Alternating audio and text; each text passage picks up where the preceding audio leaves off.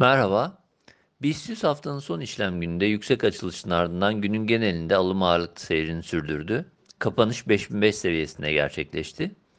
Endekste kısa periyot destek bölgesiyle sınırlı kalan geri çekilme sonrasında gelişen tepki hareketi geçerliliğini sürdürüyor.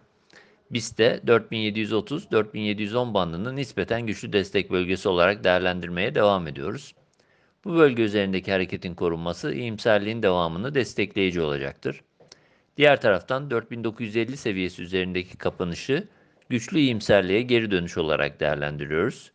4950-5000 bandı üzerindeki kapanışlarda ara dirençler olmakla birlikte 5500-5700 bandı yeni hareket bölgesi olarak görülebilir. 5050 seviyesi sonrası yukarı hareketin hız kazanmasını olası görüyoruz.